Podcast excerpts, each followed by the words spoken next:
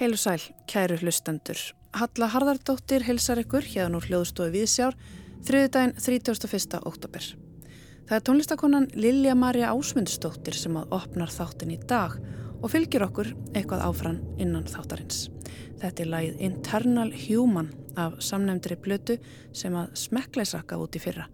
Lilja Marja heldur um í tónleika á samt Nordic Affect hópnum í mengi um næstu helgi. En á dagskrá í þætti dagsins er inngildingi arkitektúr Kossin hans Klimt og einlífi Hlínar Agnarsdóttur.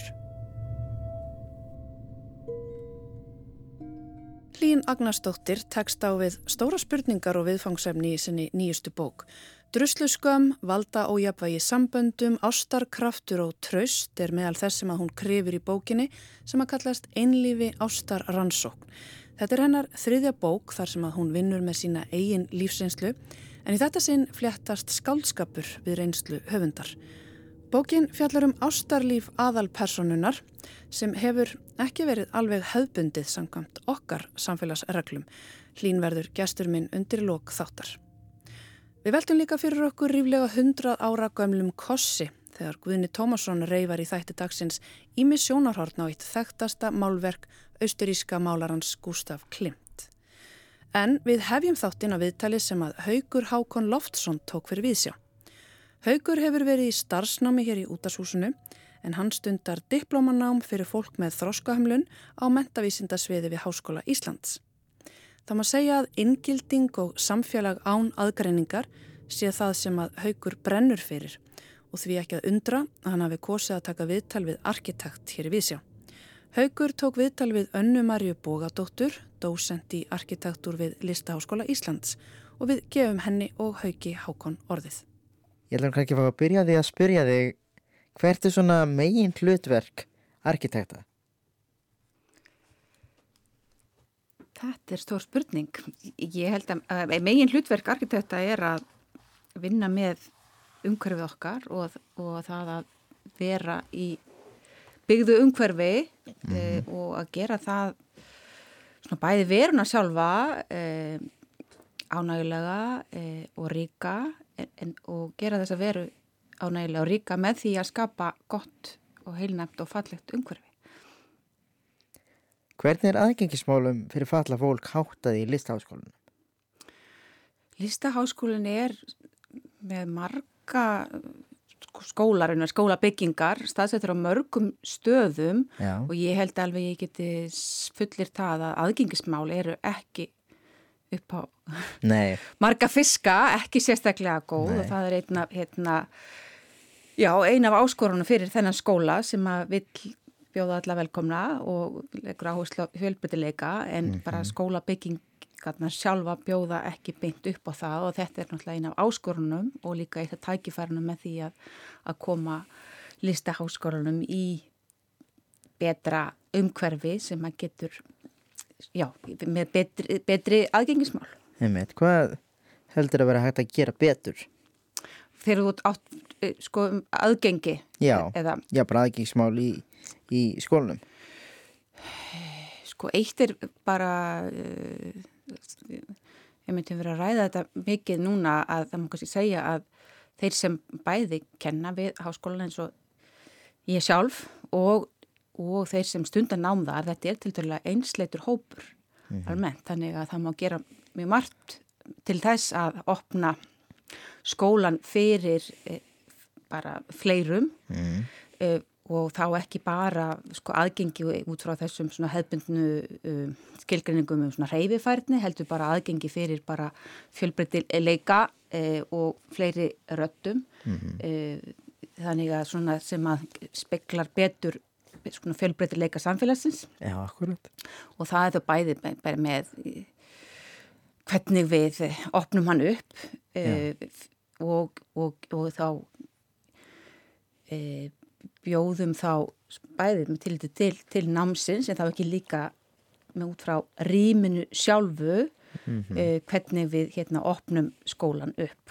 Eitt er rýmislega kröfur og sumir sem talum til dæmis að við getum fært okkur sko gerfugreindi í neitt og nýja tækni Já. sem einanlega því að opna upp fyrir fleirum þannig að það eru áskoranir en það eru líka tækifæri. Algjörlega. En eru margi nefnendur með föllun sem stundan á með skólanum? Nei, þeir eru hlutvarslega fáir Já, í samanburði við, svona sem speil samfélagsins, þá eru þeir hlutvarslega mun færri í sem, sem hérna, hlutfall nefnda í skólanum. einmitt.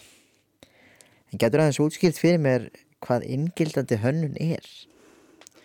Það er hönnun sem byggir á svo hugmynda að, hérna, að, já, að hanna fyrir alla og fyrir þarfir allra og, svona, svona hönnun sem kemst út fyrir þennan kannski svona mótinísku hugmynda umhverfið okkar byggist á svona standurdum þar sem kannski hefðbundni svona kviti karlmaður eh, sem hefur góða reyfi færni og reyfi getu sem er settur í, í, í forgang þannig hönnun fyrir alla á að taka hvert sem er á fórsöndum hvers og eins e, sem útgangspunkt. Það er e, hönnun fyrir alla en það sem hefur kannski gerst og við kannski maður upplifið það sérstaklega í svona arkitektúr með svona algilda hönnun, hún hefur fengið svolítið svona kannski svona brag þess að snúast fyrst og fremst um svona fjólastóla radjus en auðvitað er það miklu víðara hugtak hönnun fyrir alla eða algild hönnun. Já. Hvað heldur arkitektur geti gert til þess að stuðlaða samfélagi án aðgreiningar eða með inngildandi hönnun í huga?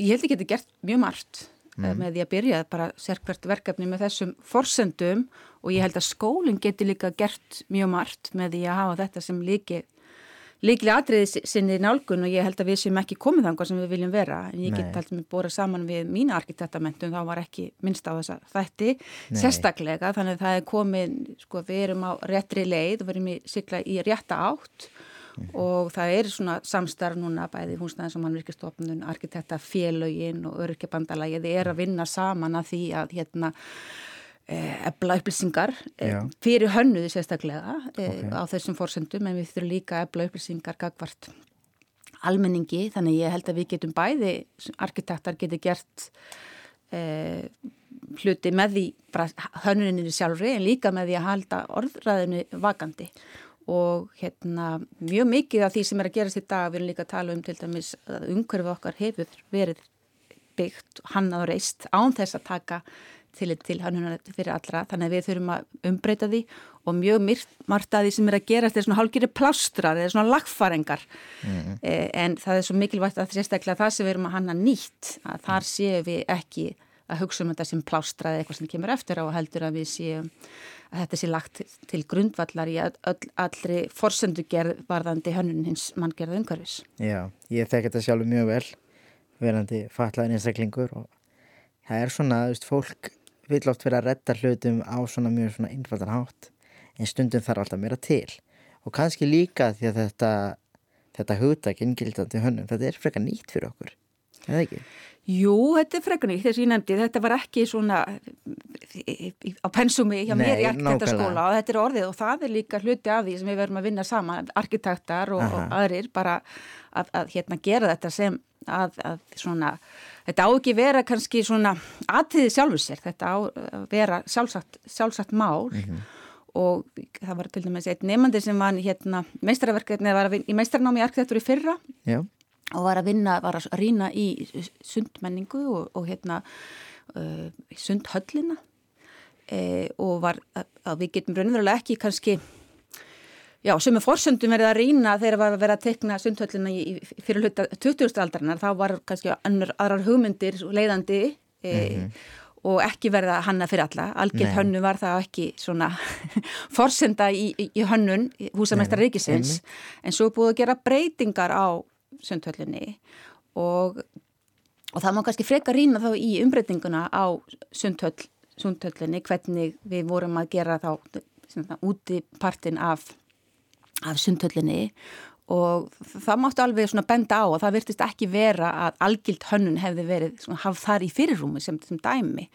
Ef maður hugsaður um ekki að maður getur, já, ekki sem þá maður meira svona eitthvað sem maður gert eftir á en ekki svona hluti af útgangspunkturinn í, í hönnun sundlurum. Þannig ég held að við séum, jafnvel þóttu við séum að, að breyta hlutum og hanna nýtt, þá vantar ennþá upp á að við nálgumst þetta sem svona, og líka bara styrkleika sem einhvern svona kvata til þess að gera upplifun allra betri. það er góða bóndur Eru nefnendur listaháskólan sem fá kennslu um inngildandi hönnun?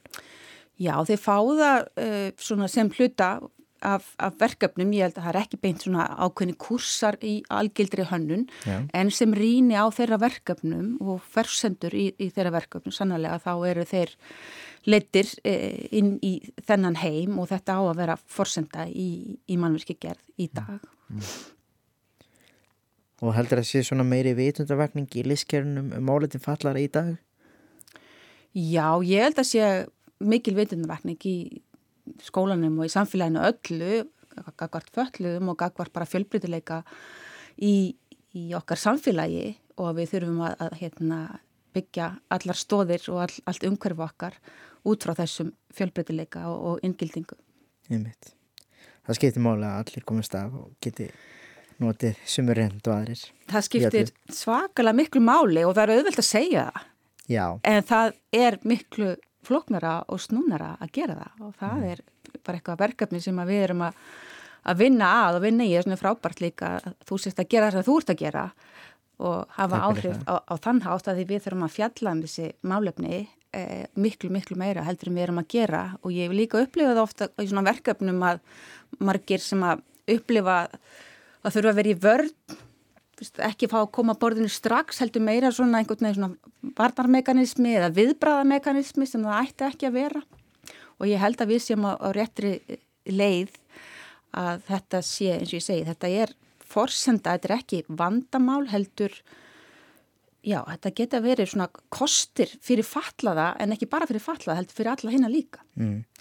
Fólk hleymiði kannski hvort að það sé með reyfihömlun, sjónskjart eða blind. Þetta er svona mismöndi eftir. Já, og, og þá... Akkurat, og það líka, og heyrn líka. Heyrn líka.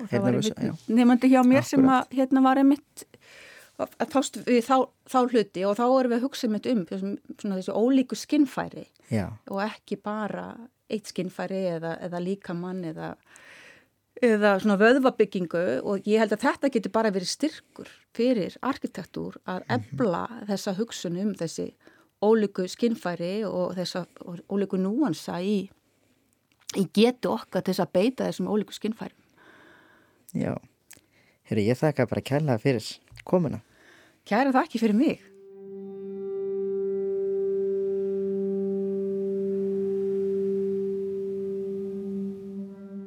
Haugur Hákon Loftsson, starfsnemi hér á Rúf, tók viðtal við önnu Marju Bógadóttur um ingildingu í arkitektur og samfélag án aðgreiningar.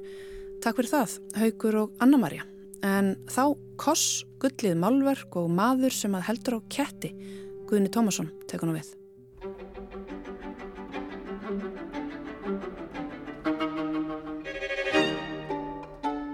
Þunnhærður fúlskeggjaður maður heldur á ketti og eins og katta er vonu að vísa þá er snúið átt að sá því hvort að dýrinu líkar það eða ekki. Í það minnst að verist manninum skemmt að halda á kettinum. Hann horfir til okkar brosandi, sposkur og svip, hátt ennið rukkast. Þetta virkar einhvern veginn hressnági, góðlugur á þessari mynd að minnstakosti. Kötturinn verðist í góðum höndum bókstaflega.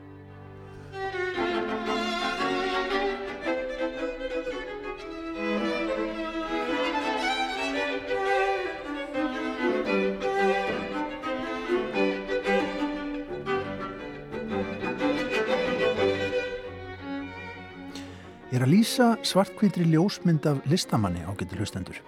Manni sem fættist fyrir réttrumlega 160 árum í Östuríki árið 1863 en lest um það leitið sem stittast fór í fyrirheimstyröldinni, snemma árs 1918 í höfuborglansins, Vínarborg. Þetta er listamæðurinn Gustaf Klimt sem þarna á myndinni sem við revjum upp hér í dag. Hann er í víðri skirtu með flegnu hálsmáli þar sem hann heldur á kettinum sem líka horfir í linsu myndavílarinnar þar sem listamæðurinn heldur þjættingsfast um hann með báðum höndum. Það er vel skrásett að Klimt var kattavinnur. Fjölmarkir slíkir voru yfirleitt að skottast á vinnustofum hans í og utan við Vínarborg og enduðu sumir í listaverkum hans. Einn sjónavottur lísti heimsokn á vinnustofuna með þessum hætti. Einu sinni þegar ég settist niður með klimt á vinnustofunni, þar sem hann var að gramsa í háum stæðum af papirum, voru í kringum okkur allavega átta eða tíu mjálmandi, malandi kettir sem að leku sér í gannisla í kringum okkur með slíkum ofsa að skissur listamannsins þeittust út um allt, allt í kring. Og ég spurðan, hissa, hvernig hann þyldi þetta? Kettirnir eðilöðu fallegu tekningarnar hans. Brósandi svaraði klimt, neyfinu minn, það skiptir engu þó er krumpi eða rífi þennan eða hinn pappirinn ein og eina mynd því þeir pissa yfirlegt á hinnar og það er hlandið sem er frábært til að venda litin og myndirnar. The kiss for me is the ultimate expression of love. It is the icon of love.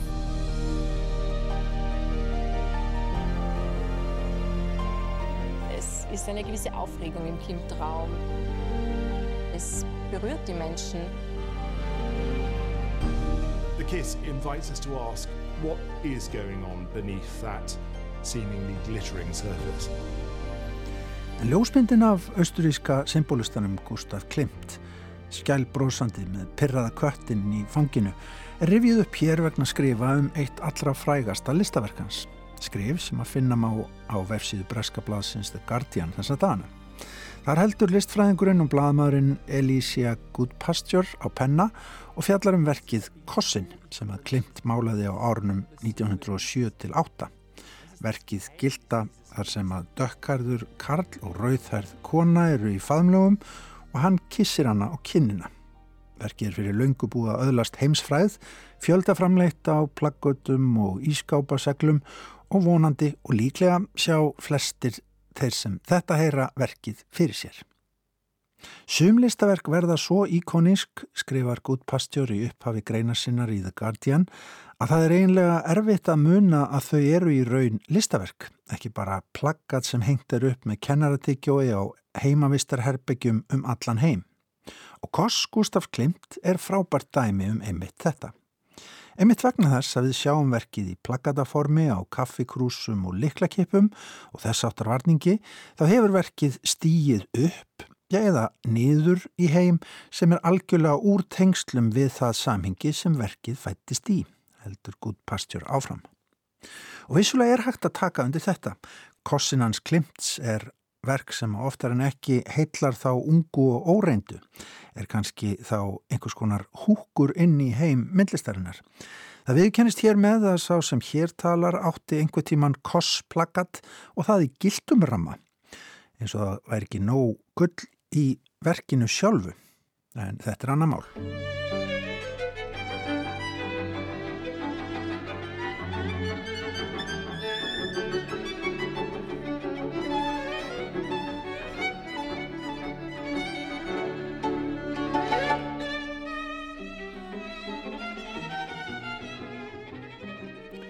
Ástæða skrifa Elísu Goodpastjör í The Guardian nú er ný heimildamind um Klimt og Kossinans.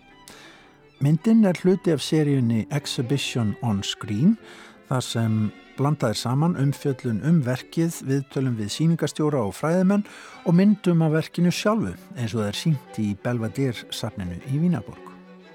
Kossin er verknaðurinn í verkinu, atbörðurinn sem þarna er skrásettur og í myndinni er meðal annars spurt hver vill þetta í raun?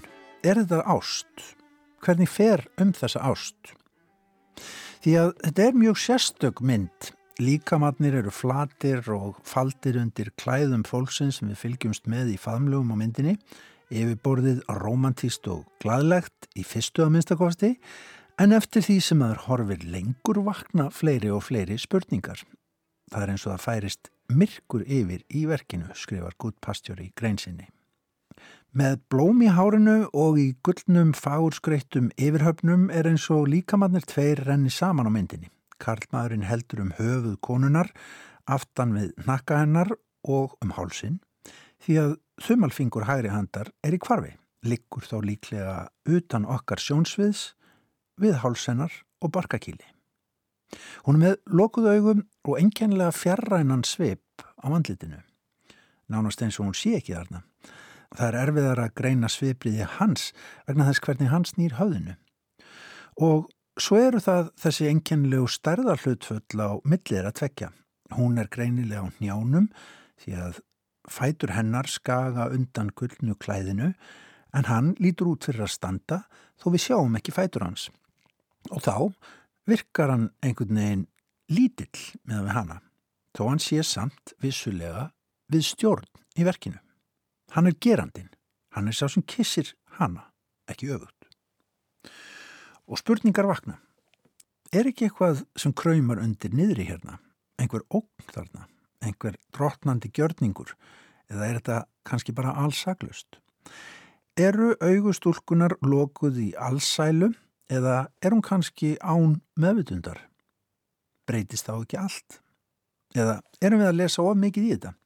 Allt eru þetta spurningar sem settar eru fram í umfyllunni í The Guardian og kvikna við lestur hennar. Kanski er það þetta sem góð listaverk bjóða upp á, fjölbreytar tólkanir og hugsanir hjá áhöröndum. Það er í þeim eitthvert rými til tólkunar, því annars fallaðu flött ef við náum ekki eða nennum ekki að fylla í eðunar. Er kossin allegória dæmisaga um reyna ást, skyndimynd af atbyrði eða persónlegt listaverk um tilfinningalíf höfundarins og ást í hans lífi. Oft hefur verið hort á verkið sem vittnisspurð um ást klimts á Emilí Flöge sem var músa hans til margra ára og líklega ástkona hans. Þau kynntust fyrst árið 1892 þegar hann var 30 og hún 18. Flöge náði miklum árangri í Vínaborg á árunum í kringum aldamótin 1900 sem tískuhönnuður og þau voru lífsförunautar Klimt og hún þó þau gengju aldrei í hjónaband. Klimt var ekki við eina fjölina feldur og sambandið órætt og opið, allavega í aðra áttina. Kanski frekar á platónskum nótum en kynferðislegum. Um þetta hefur verið rætt og deilt árum saman og um þetta er erfitt að dæma. Gustaf Klimt náði miklum frama í lifanda lífi en var líka umdeldur í borgarlegu samfélagi Vínaborgar á sínum tíma. Hann var leðtogi Vínar Succession reyfingarinnar, hópsframsækina listamanna sem að sköpuðu sérstaka og bræðmikla útgáfu Artnu Vó stílsins í borginni. Listin átti að vera allt um líkjandi í fegurðaskinni borgarbúa og hægtir að horfa á þetta faðmlag parsins í kossinum sem vitnisspurð um einmitt þetta. Mikilvægi listarinnar fyrir manneskuna var algjört. En erotíkin er líka kraftmikill þráður í verkum Klemts og í engalífinu kunni hann sér ekki hóf í þeim efnum. Ný og ný stúlka af strætinu var komin beint uppi til hans og stundum fleirin einn og hann var fadir í það minsta 14 barna. Og í heimildamindinni sem fjallaður um í The Guardian eru þessar mótsagnir dregnar fram. Upphafnar tákmyndir Helgrar Ástar og Helber Greddan eðilegjandi kynlífsfíknin. Þar vilja sumir viðmælanda gaggrina það hvernig listamæðurinn notaði konur í lífi sinu, nýtti sér fræðsína og valdastöðu til að vefja þeim um fingur sér, en aðrir vilja minna gera úr þessum þætti í lífi hans. Konur hrifust af honum og hann af þeim, segir einn viðmælandi. Í umfjöldun sinni upplifir bladakonan Elísia Goodpasture eitraðan voyerisma drottnunargirni og ofbeldi í þessu verki. Konan er til skrauts rétt eins og gildur bakgrunnurinn. Hún er viðfang girndarinnar sem er sjónar með margra snillinga mótinismans innan geðsalapa sem rýmar illa við nýja tíma. En fyrir rest er okkur auðvitað bóðið til lestus. Kossin eftir Gustaf Klimt verður með okkur áfram upp á veggjum einhverja herbergja á heimavistum og á speklum ískápa. Við erum kannski bara gaggrítni í dag. Spurningarnar vakna frekar hjá okkur. Afhverju er korsin svo upphafið romantist málverk þegar líkamstjáningin er jafn óræð og óþægileg og römbir vitni? Hvaða valdakerfi viðheldur stöðu svona málverks? Og að lókum erum við að lesa rétt.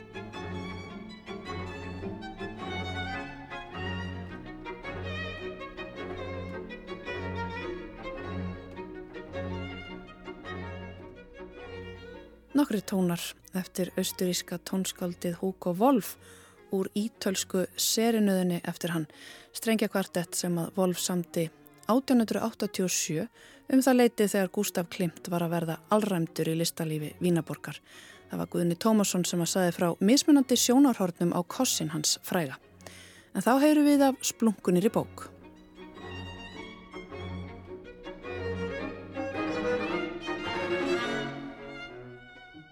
Hlín Agnarsdóttir, verður velkomin í Víðsjá. Takk fyrir.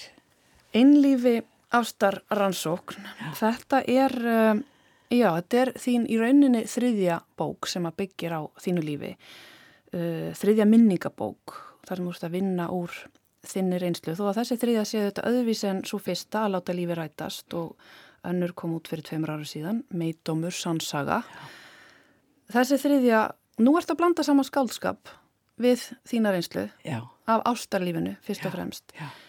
Byrjum bara á því að ræða hans þetta form. Já, það er skemmtilegt. Þetta er svona það sem hefur verið kallað hýbrit á útlensku eh, sem þýðir bræðingur eða, eða svona blendingur. Ég sem sagt, eh, mér langaði til að, að prófa að taka nýtt skref í mínum skrifum, það sem er mitt sem byggja sem eru svona æfisöguleg skrif. Og eh, fannst alveg bara mjög gaman að eh, því fann þetta, leiðin að þessu.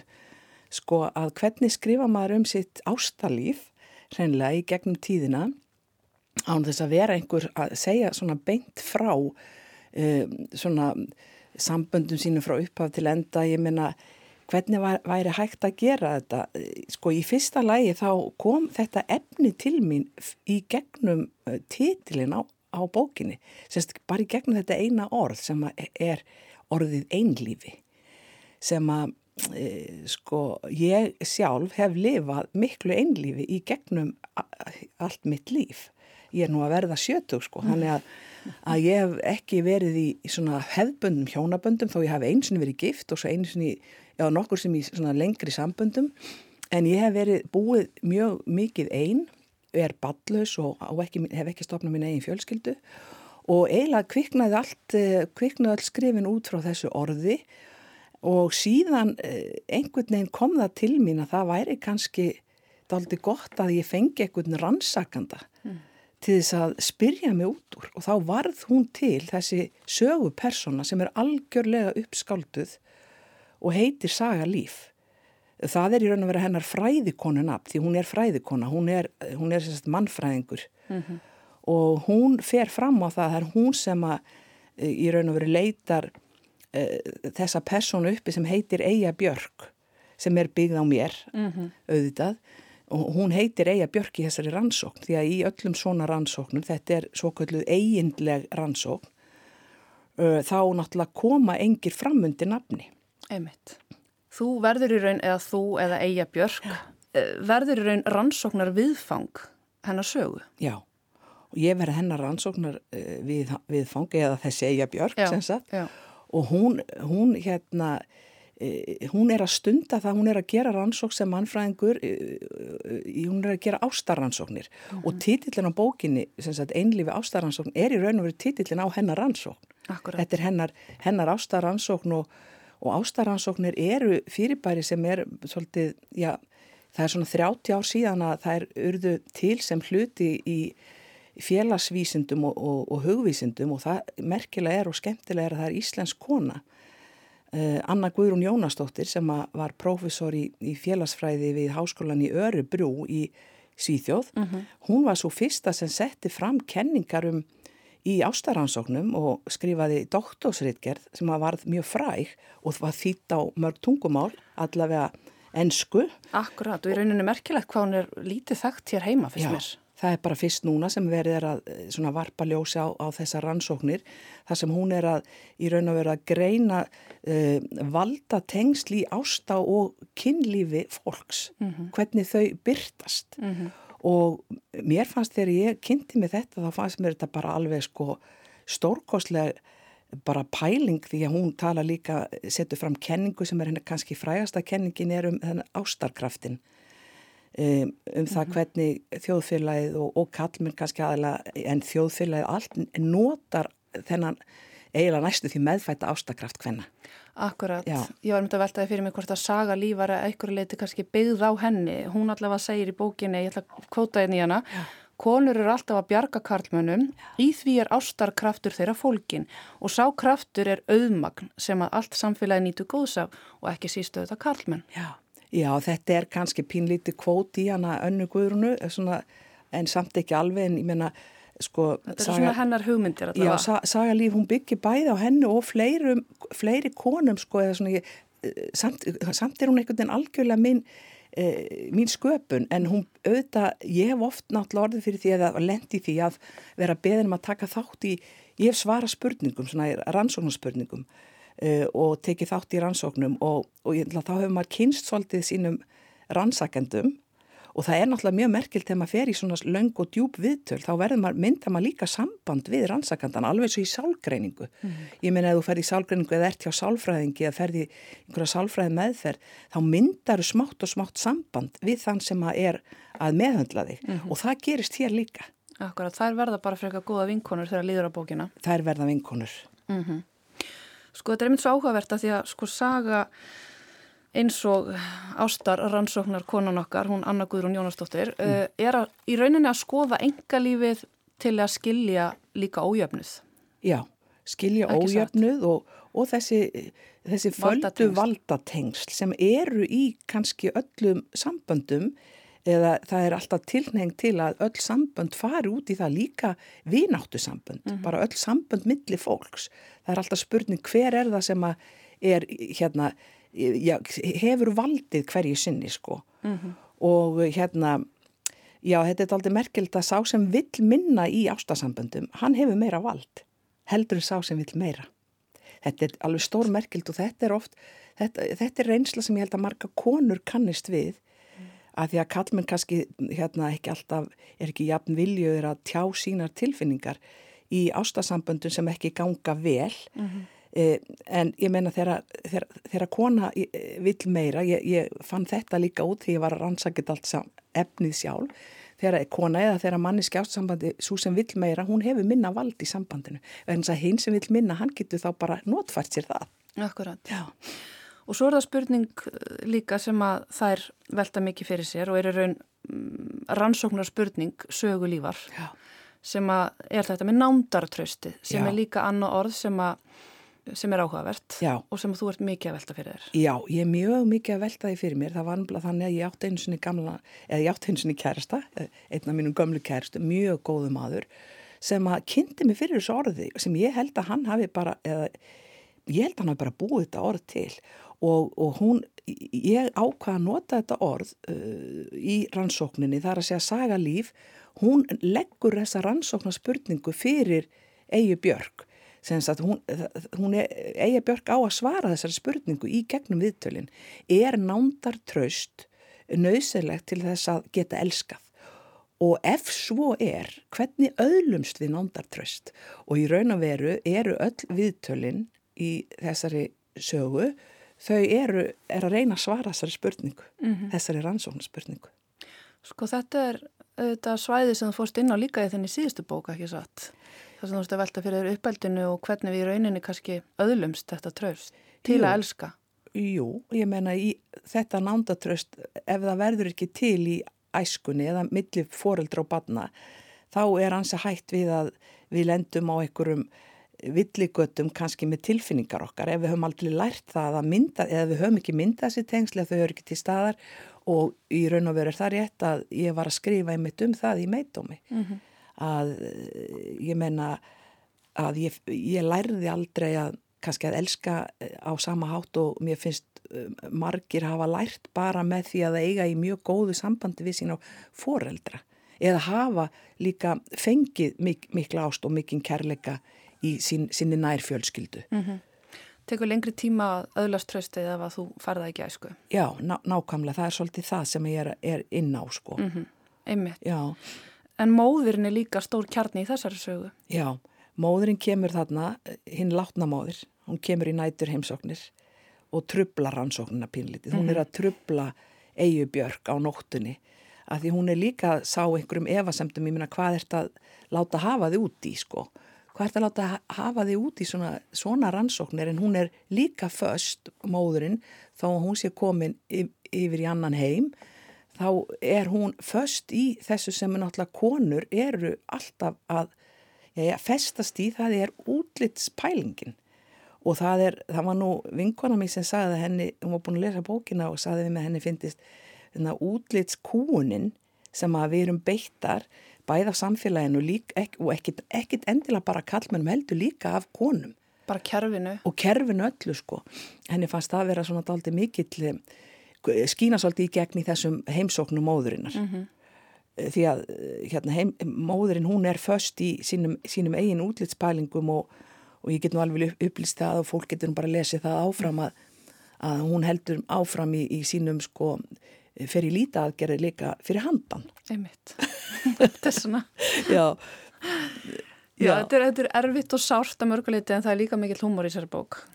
Já, takk fyrir það. Ég, ég, hérna, ég get vist ekki lo, losa mig við húmórin og það væri ekki, eh, mér finnist ekki hægt að skrifa svona bók sem er, er þetta er mikill sársöki og mikill átök og, og afhjúpanir eh, án þess að hafa húmóri með og líka sko hafa húmór fyrir sínum líka mistökum og því sem er misefnað og misefnaðar ástir og ástar raunir sem maður lendir í ég meina, maður, maður verður að hleyið að því svona þegar maður er komin á þennan aldur. Já, Þú, já það, hún eiga björkar allavega afhjúpa sig þarna, það eru alls konar sögur Já. sem að örgla margar konur og karlar tengja við. Já, Sko, í þessu rannsóknarferli þá vaknaðu þetta risaspurningar, þú ert að velta þig fyrir þér, er ástinn til, þurfum við að læra að elska?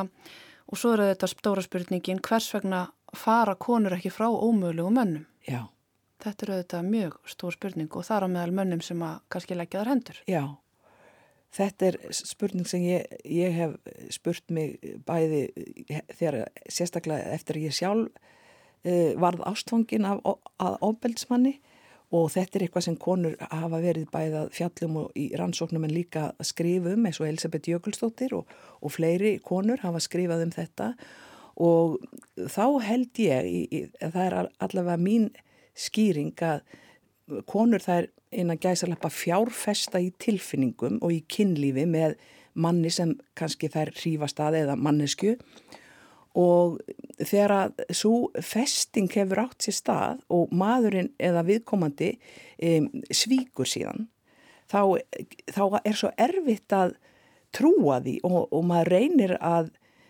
fara aftur tilbaka og byrja upp á nýtt og reyna jafnvel það sem konur gera kannski mikið vilja elska ofbeldið úr mönnum. Mm -hmm. Hjálpa þeim. Hjálpa þeim yfir þetta og uh, þetta, eru hérna ákveðina tengingar, það eru það er bæði sálarlegar og líkamlegar tengingar sem erfitt er að losa sig einhvern veginn við og teku tíma en ég meina, mér finnst náttúrulega mesta tragedi að vera þegar að þessi, þetta ofbeldi sem getur verið bæði líkamlegt og andlegt og tilfinningalegt þegar að á sér stað síðan eða heldur áfram í gegnum heil hjónabönd og sambönd sem kannski vara í ára tíi. Mm -hmm. mér, finnst það, mér finnst það óhugnalegt. Og erfist svo kannski yfir á næstu kynslu. Og kannski erfist yfir á næstu kynslu. Þetta hefur maður reynlega séð. Mm -hmm.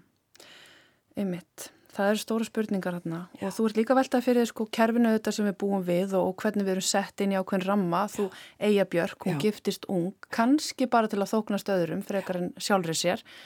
Uh, finnst þér þetta að breyst í dag að þú horfir á ungar konur í dag?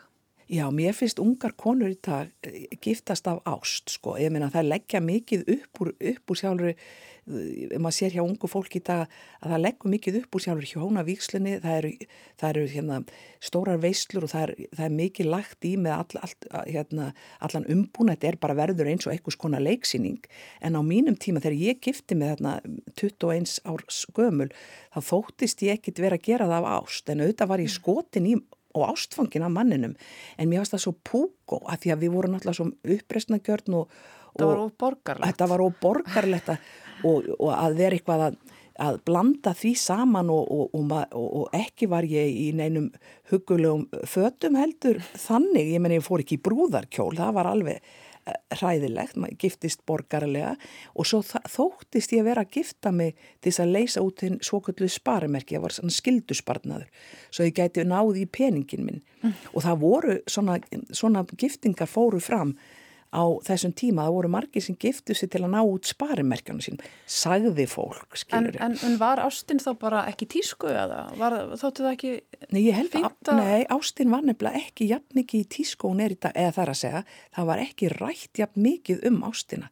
Eiginlega sko þetta frelsi sem kom þarna með, þarna með náttúrulega 68 byltingun og, og, og náttúrulega kvenréttindarhefingunni, það var eiginlega það frelsi sem að konur fengu þegar getnar varnapillan var eh, kom á markað og þá gáttu konur kannski leift sér meira að sofa hjá hinum og þessum eins og kemur fram í þessari bók. En ég meina það var ekki alltaf að einhverju ást og, og þannig er það náttúrulega líka fólk er ekki endil alltaf að sofa saman eh, af ást en, en eh, það, það var ekki rætt mikið um ást og ástasambönd og, og það var meira bara frelsi til einhverja aðtapna sem að voru líkanlegar. Já, nefnilega og manni fannst þessar stelpur sem að eh, fóru beint inn í hjónaband eftir mentaskóla eða háskólar að maður væri pínliti borgarlegar. Eða eins og þar vildi ekki sko um, hérna uh, vika út sín reynslu heim. Mm. En maður spyr sér svona eftir á hvað, hvað gerðum, hvað lagði maður á sig til þess að uh, fyrir þetta svo kallað frelsi sem að var ekki þegar upp var staðið mikið frelsi. Einmitt, það kemur einmitt fram, þú ert aldrei að vel, velta fyrir þér sko þessari drusluskömmun, Já, orð sem að var sennilega ekki til á þessum tíma, um, að því að Eija Björk, hún nýtir sér þetta frelsi til aðtapna eins og hún vil og hún er einmitt að segja ungum frenda þarna í bókinni frá því hversu mörgum hann hefur sofið hjá og hann er nú bara ansinn hygslaður. já, hann, hann, hann bara ná fölnar. Og, og svona sko hann segir það ekki beint en, en Eija Björk hugsar nú, nú veit hann að, að móðusýstir hans er, er hóra. Og, og ég menna ef maður hefur sofið hjá svo og svo mörgum þá það, það, það var nú reyndar svolítið líka í gamla dag að, að hjá mér hérna á mínum þannig, ungdómsárum að, að ef að konu sváu hjá mörgum strákum þá voru þær hálfgerða mellur sko. En sko eh, en drusluskömmurinn sem orð var ekki til og jú við drusluskömmuðum okkur bara í einhverju hljóði já Í- sjálfar. sjálfar í einhverju þögn sko. Og svo var alltaf kallmenn sem drusluskömmuðu konur fyrir að vera svona lauslátar og gærur og hvað þetta allt hétt og hleypa upp á sig. Þetta er svo ógeðslega orð ógeðslega tungumál sem að var til í kringum þetta allt saman. -hmm. og auðvitað hérna varð maður var, var ég vör við þetta allt og, og vinkonu mínar og, og konur jafnir líka töluð svona um aðra konur. Einmitt. að þú- veist að eh, hún er nú svo lauslátt sko. Að hún er nú bara hérna, það er alltaf opið hjá henni allt, alltaf opið hjá henni. Ég held að þetta sé nú alveg eimi eitthvað staðar að þessu ennþá, því miður. Já, En þetta hefur breyst, þetta hefur sannarlega. samt breyst sko. En það er auðvitað, þú veist, það er komið annað sjónarhörn og mér varst einmitt skemmtilega þegar þær Eija Björk og Sagalíf er að velta fyrir sér góðsögninni um Medúsu. Já, og hvernig hún í rauninni er kannski fyrsta druslan. Já, í sögunni, Já. svona fræga druslan. fræga druslan, já En svo getur við daldið svona ákveðið sjálfar hvernig við ætlum að líta á hana. nákvæmlega og það, ég, ég var eiginlega sko auðvitað vissum að það kemur náttúrulega inn í, í þessari bóku kom mikið inn á Gríkland nokkra sö- sögur þarna sem gerast í Gríklandi og, og Medusa bara því ég, ég skellti mér á kafi Medusu að rannsaka þetta allt og þegar maður sko fer á kafi í þetta þá er þetta náttúrulega bara alveg svakaleg saga um það og hvernig hún er, hefur síðan orðið til einhvern veginn e, kallmennir hafa gert Medusa einhverju svona skrimsli og þetta er, þetta er, þetta er uh, kona sem að kona sem er nöðgað og hún og hún, hún sem þólandi, hún á, á að taka allt á sig. Ég minna auðvitað er þetta gömul saga og ný og við erum að sjá þetta náttúrulega í ýmsum löndum heimsins enn þann dag í dag að það er þólandin sem þarf að, að, að, að já, bara líða fyrir það að hafa verið beittur ofbeldi og nöðgað og þetta er náttúrulega bara, er svo skrítið hvað þessa mýtur, hvað þessa goðsagnir lifa lengi með okkur. Og ég meina við erum ennþá með bækur eins og biblíuna, gamla testamentið. Erum ennþá að velta okkur upp úr þessum, þessum sögum. Þar sem þetta er bara þar sem þessu er líst ekkit bara í, það er, ekkit bara einmitt í grísku góðsögnum heldur líka í, í gamla testamentinu. Algjörlega, sem betur fyrir eru við nú að fá ný sjónarhóttn á þessu sögur Já. og eins og það er mitt er að ræða. En það er áhverð hvernig í raunin er það feðraveldi sem að gerir eh, með dúsu að fornalambi en það er svo skrítið að það er aðþenna, kona, Já. sem að setur þessa bölvun á hana. Já. En mér finnst svolítið gaman að horfa á Medúsu sko að, hún, að þetta sé raunar ekki bölvun sem að þeirna hafa lagt á hana vegna þess að það er líka þetta að horfa á sko slöngurnar og þetta augnaráð sem að gerir kallmenn að stengjarvingum sem bara superpower. Já, sem sköpunarkraft, Já. sem er rosalega sköpunarkraft ofsalega mikið vald sem hún hefur þá yfir kallmennum sem að e, við getum þá tengt við það að konur, mjög fagrar konur, mjög fallegar konur, glæsilegar, þær hafa ægivaldi við kallmennum og geta snúið þeim um fingu sér eins og þær vilja. Og það er náttúrulega bara eitthvað sem að við vitum, ég meina þeir bara lamast, ég hef orðið fyrir því að kall með lamast bara í, sko, í, í, í návíi við mjög fagrar konur. Mm. Ummi, það er allt í þessu þín. Já. Sko, mér langaði bara svona rétt í lókin að, að aðeins að tala um þessa hugmynd sem er svo rótgróin í okkar samfélagi, Já. það að við verðum alltaf að vera að finna hinn helmingin af okkur. Já. Það er mist áhugavert á spáni þá að tala um sko La Media Naranja að finna hinn helmingin að appisinunni. Það er alltaf þessi hugmyndum að við séum algjörlega ófullkomin ef við erum ekki með eitthvað maka. Já og ég tek það mjög vel fyrir þarna. Akkurát. Já og, og, og það er náttúrulega kemur út frá þessu sko orðinu einlífi sko hvað er svona hræðilt við að vera einn eða einn og, og þetta eru, það, það, það, það hefur verið þrástagast á þessum spurningum, til dæmis í mínu lífi, þar hefur, hef ég verið spurð hvað eftir hana, ertu ennþá ein eða, eða ertu með einhvern, er einhver í spílunum? Já, bara út í krónu og svona. Já, ekki? bara hér og þar og, hefur, og þetta hefur mér fundist mjög óþægilegt. Það hefur verið að krefja mann svara um það og þetta er náttúrulega þessi hugmyndum sem ég tek hérna fyrir í bókinum þetta sem er Eðna, ég, held ekki, ég held að við séum nefnilega samasett, við erum heilar manneskur við erum samansett af foreldrum okkar, við erum bæði kall og konur og það er ekki til neitt, hinn helmingurinn er inn í okkur. Hann er ekki þarna fyrir utan. Já, það er mín, mín tilfinning. Já, það er svona ákveðin kenning í þessari ástaransók. Já, það er ákveðin kenning. Akkurat. Já. Það er, við erum enda búin að tala um einlífi og þú er búin að tala um mísöfnuð ástarsambönd og hvernig við í rauninu þurfum ekki neitt til að fylla okkur. Við Já. þurfum ekki aðra manneski til að finna fullkomna hann mikið en það er smá svona amerískur happy ending á þessari bók samt. Já, ég, sko, ég hugsaði bara með mér, ég gæti ekki farið frá þessu efni, það er náttúrulega líka, það er, já, sorglegur, það er svona, það er rétt eftir sorglega endin, eða ef það er sorglegur endir, það er, mm. það er hægt að tólka það, en mm -hmm. ég mhm. meina, í lokin hugsaði bara með mér, ég get ekki farið frá þessu efni án þess að eh, koma með ástin inn í þetta, hennar önverlu ást, það er að segja, þetta nándartraust sem er byrjunin, sem sagt rannsóknarspurningin Eija Björk, hún færa að upplifa það að lokum uh -huh. og mér fannst það að vera alveg nöðsynlegt að reyna að lýsa því hvernig er það að upplifa nándartraust og ég meina ég fer þar yfir þetta á mik mikla skaldlega nótur en e, mér fannst það alveg nöðsynlegt að þetta er ekki bara ástasorg og ástaraunir, þetta er líka uh, falleg sönn ást. Einmitt. Við erum öll að leita af ástinni, er það ekki? Jú, jú, við erum öll að leita af ástinni en við erum ekki endilega, hún er ekki endilega í einhverjum öðrum, sko. Akkurat. Ég held þetta fjallir meirum það að, að hafa skilning og hafa öðlast þetta, þess að getu til að elska aðra mannesku og helst vil maður hýtta Að, að svo manniski hafi söm, sömu getu mm -hmm. og sömu hæfileik og eiginleik að maður vill það helst. Og það, ég held að leitin sé þar hún fælst í því að hitta mannesku sem líka kann að elska. Þetta eru fín lokáð Lín Agnarsdóttir til hamngjum með þessa nýju skáldæfi sögu Takk. Innlífi, Ástaransson, takk fyrir komuna. Takk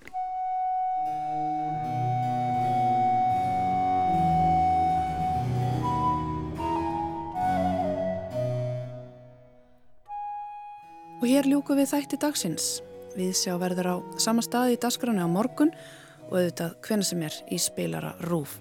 Við hófum þáttinn á tónlist eftir Lilju Marju Ásmundsdóttur sem að heldur tónleika á samt Nordica Fekt í mengi um næstu helgi og við endum þáttinn á flutningi Nordica Fekt á tónlist eftir Karl Friedrich Abel af plötunni Abel. Þetta er Allegro kablin úr sónutu nr. 1 í setur og puss 6. Takk fyrir að lusta og verið sæl.